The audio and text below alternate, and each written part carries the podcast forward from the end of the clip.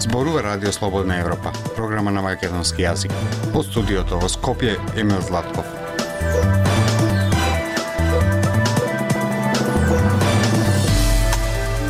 Почитувани, во денешното издание на емисијата ќе слушате. Комисијата за спречување и заштита од дискриминација за прв пат донела решение со кое се прифаќа дека трудница ја загубила работата само поради тоа што одлучила да стане мајка. По пожарот во некогашната скопска фабрика Треска, теренот е расчистен. Инвеститорите се фалат, а Уставен суд отвори предмет за згради. Од светот издвојуваме истражување според кое жените ќе го сносат товарот од екстремните горештини. Слушајте не. Радио Слободна Европа, светот на Македонија. Комисијата за спречување и заштита од дискриминација потврди дека приватна фирма не го продолжила договорот на вработена само поради тоа што е бремена. Жената правдата ќе ја бара и на суд. Сторијата на кумановчанката Магдалена Стојмановиќ Константинов ви ја пренесува Билјана Николовска. Кумановчанката Магдалена Стојмановиќ Константинов изминативе месец дена ги поминува во грижата кон своето бебе како мајка која во моментов е на породилно отсуство. За Радио Слободна Европа сведочи дека за малку ќе останала бесплатено боледување од државата.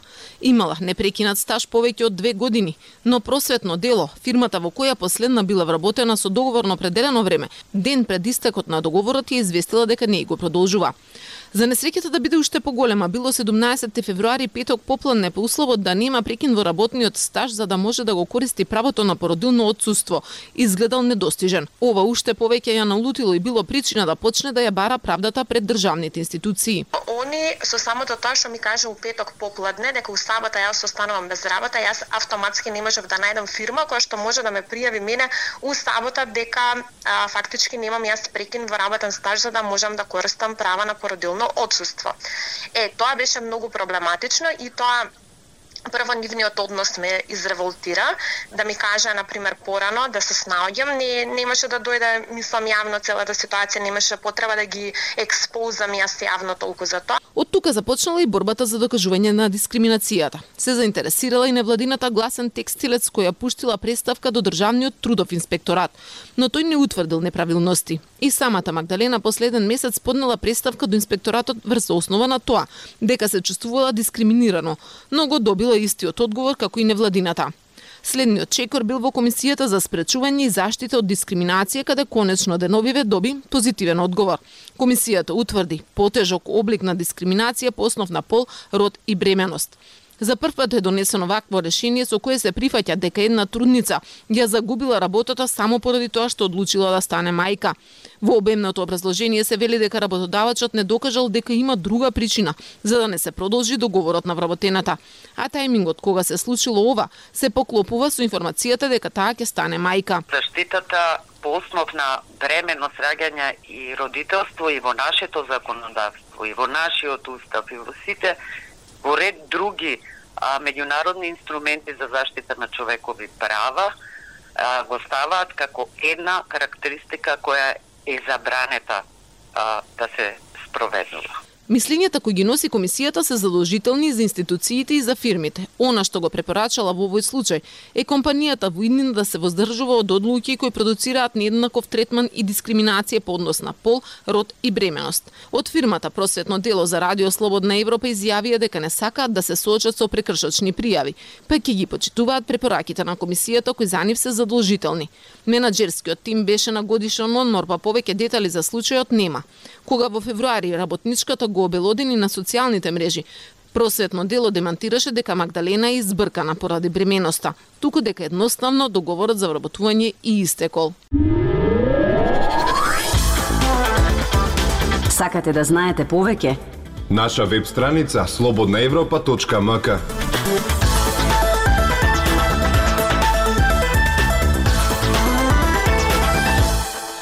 Уставниот суд го предаде на тимот советници и суди и предметот за земиштето, каде што се наоѓа поранешната фабрика Треска. Иницијаторите бараат да се почитува генералниот урбанистички план, додека некои инвеститори почнаа јавна кампања за идните згради на овој простор. Прилог на Михајло Донев ден кога е пуштено промотивно видео и фотографии за тоа како ќе изгледа изградбата на нов урбан комплекс, кој треба да никне на местото на поранешната фабрика Треска. Уставниот суд отвори предмет за деталниот урбанистички план Буњаковец 2, во кој влегува токму ова земјиште со вкупно 15 парцели. Едни од подносителите се и граѓанската иницијатива Шанса за центар, кои изминативе години се спротиставуваа на планот за градење на зградите кај фабриката Треска, кој ексгралначалникот на центар Саша Богдановиќ ги нарече на политанки. Во иницијативата до Уставен, поднесена од адвокатката Сузана Јошевска и граѓанската иницијатива Шанса за центар, стои дека Дуб Буњаковец 2 е во спротивност со генералниот урбанистички план – Во наводите на иницијативата се вели дека границата на Дупот не е усогласена со офатот на градската четврт, планирана со ГУП, како и дека нумеричките податоци на Дупот се неусогласени со оние на ГУПот.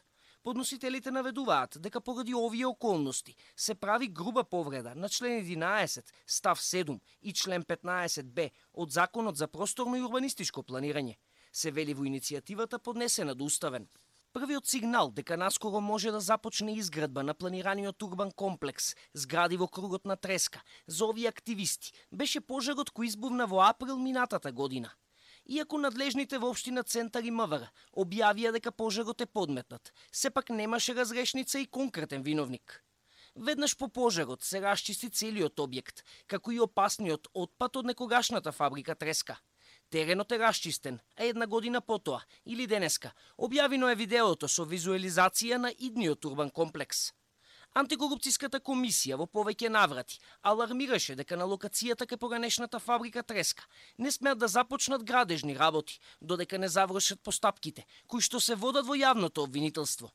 Станува збор за простор во центарот на главниот град, кој последниве години е фокус на интерес на јавноста, токму поради битката што да се гради на оваа атрактивна локација. Од граѓанската иницијатива Шанса за центар, задоволни се од одлуката на Уставен суд да се оформи предмет за најавената градижна офанзива кај Треска. Се надеваме на еднакво брзо и ефикасно постапување на судот, и мајки предвид, што инвеститорите забрзано се подготвуваат да започнат со градба.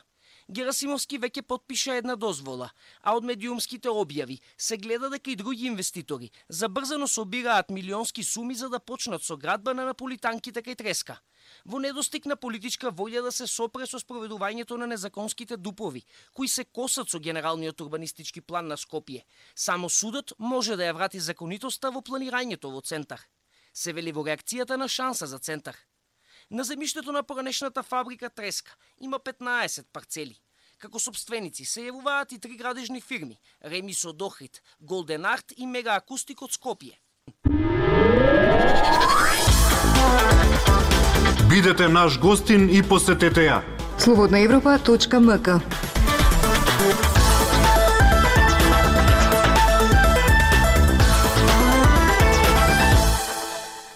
Просечната инфлација во еврозоната е 5,3%, што е најниско ниво од почетокот на 2022 година, кога го достигна пикот од над 9%.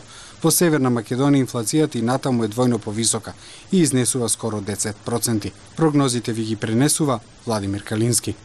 Намалените стапки на инфлација во еврозоната главно се должат на падот на цените на енергијата, според Европската агенција за статистика Евростат. Но и покрај тоа, извештаите покажуваат дека греѓаните низ Европа се уште се борат со високите цени, особено на прехрамбените продукти и облеката – Во јуни стапката на инфлација во 20 земји на еврозоната изнесуваше 5,5%, кога исто така имаше намалување споредано со мај истата година, кога беше 6,1%. Во Северна Македонија пак и натаму има двоцифрена инфлација која изнесува околу 10% според новите податоци на Државниот завод за статистика. Агенциите за статистика секој месец објавуваат податоци за индексите на трошоците на животот и на цените на мало. Највисока инфлација во земјава беше забележана во ноември 2022 година од 19,5%, што ја стави земјава на врвот на Европа. Но според економски експерти со кои разговараше Радио Слободна Европа, проблем е што ситуацијата на високи цени во земјава ќе трае уште долго и покрај трендот на намалување како што покажуваат извештаите на Народната банка. Дел од нив сметаат дека ќе биде така, бидејќи проблемот е историски, главно како што велат, поради погрешната економска политика која земјата ја прави зависна од увоз пред се на прехранбените производи. Го уништивме домашното производство, а, да, ако се додаде, додаде на тоа и криминалното криминалната политика на субвенции на земјоделието, а, ви кажува дека вие сепак зависите од импортирате и храна, но импортирате и високи каматни ставки на инфлацијата. Вели економскиот аналитичар Висара Деми. Македонската економија, како и останатите во светот, беше погодена прво од последиците од ковид кризата, на што се надоврза кризата со енергенсите и нивниот пораст на светските берзи по руската агресија врз Украина, што пак придонесе за раст на цените и висока инфлација. Особено поскапеа цените на храната и енергенсите. Владата како одговор на растот на цените донесе неколку пакети антикризни мерки во вредност од над милиарда евра за поддршка на ранливи категории граѓани и фирмите. Владата ги зголемуваше платите во јавната администрација, но истовремено се задолжи со неколку заеми, со кои јавниот долг го зголеми за над 10%. Сакате да знаете повеќе? Наша веб страница слободнаевропа.мк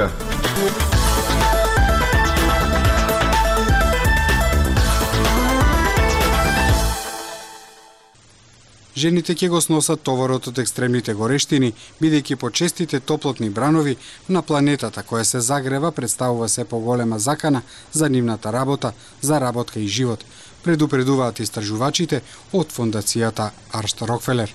Прилог на Марија Тумановска. Влијанијата на зголемената топлина се несразмерно опасни за жените, било да е тоа дома или на работа, се наведува во извештајот насловен како Жешката поделба на Центарот за отпорност на фондацијата Адриен Аршт Рокфелер. Истражувањето на непрофитната организација со седиште во Соединетите држави која ги анализираше Индија, Нигерија и Соединетите држави, наведува дека екстремната топлина може да убие 204.000 жени годишно во трите земји во Жешките години. Екстремната топлина тивко законот длабоко ги уништува жените ширум светот, рече Кети Бигман Меклаот, директорка на фондацијата Арштрок. Топлината вели таа создава двојно оптоварување за жените. Жените не само што се поподложни на физички да се разболат од топлина, туку и од нив непропорционално се очекува да се грижат за сите други болни од последиците од топлината, без разлика дали е тоа платена нега или неплатена, се наведува во извештајот. Топлотните бранови уриваат рекорди ширум светот, а континуирано планираното ослободување на емисии за загревање на планетите, главно од употребата на јаглен, нафта и газ, ќе ги турка глобалните температури на непозната територија во наредните години. Исцрпувачката топлина ќе го земе својот данок врз жените, принудувајќи ги да работат подолго време, без разлика дали на отворено на фарма, на пример, или на некоја неплатена домашна работа, како што е готвење и чистење, се наведува во извештајот. Со оглед на тоа што просечниот број на денови на топлотни бранови се предвидува да се удвои до 2050 година во Индија, Нигерија и САД, жените од најсиромашните и маргинализирани заедници ќе претрпат најголем удар врз нивната продуктивност. Околу 1,2 милиарди рурални и урбани сиромашни средини на глобално ниво се очекува да живеат без решенија за ладење до 2030 година, предвидува Организацијата одржлива енергија за сите. Во земјите како што е Нигерија, каде што топлината ги влошува симптомите на тропските болести од маларија до жолта треска, мајките го носат двојниот товар да се грижат за себе, но и за болните членови на семејството, како што е со часови неплатената работа. Лекарите во Нигерија кои имаат чести прекини на струја повикуваат на подобро проветрување на болниците и велат дека бремените жени треба да прават паузи од најмалку 3 часа ако работат на отворено. Во Британија, каде жените од црните заедници имаат речиси 4 пати поголема веројатност да умрат при породување, климатските промени само ќе ги влошат последиците со кои се соочуваат. Пред предупредува доктор од Источен Лондон.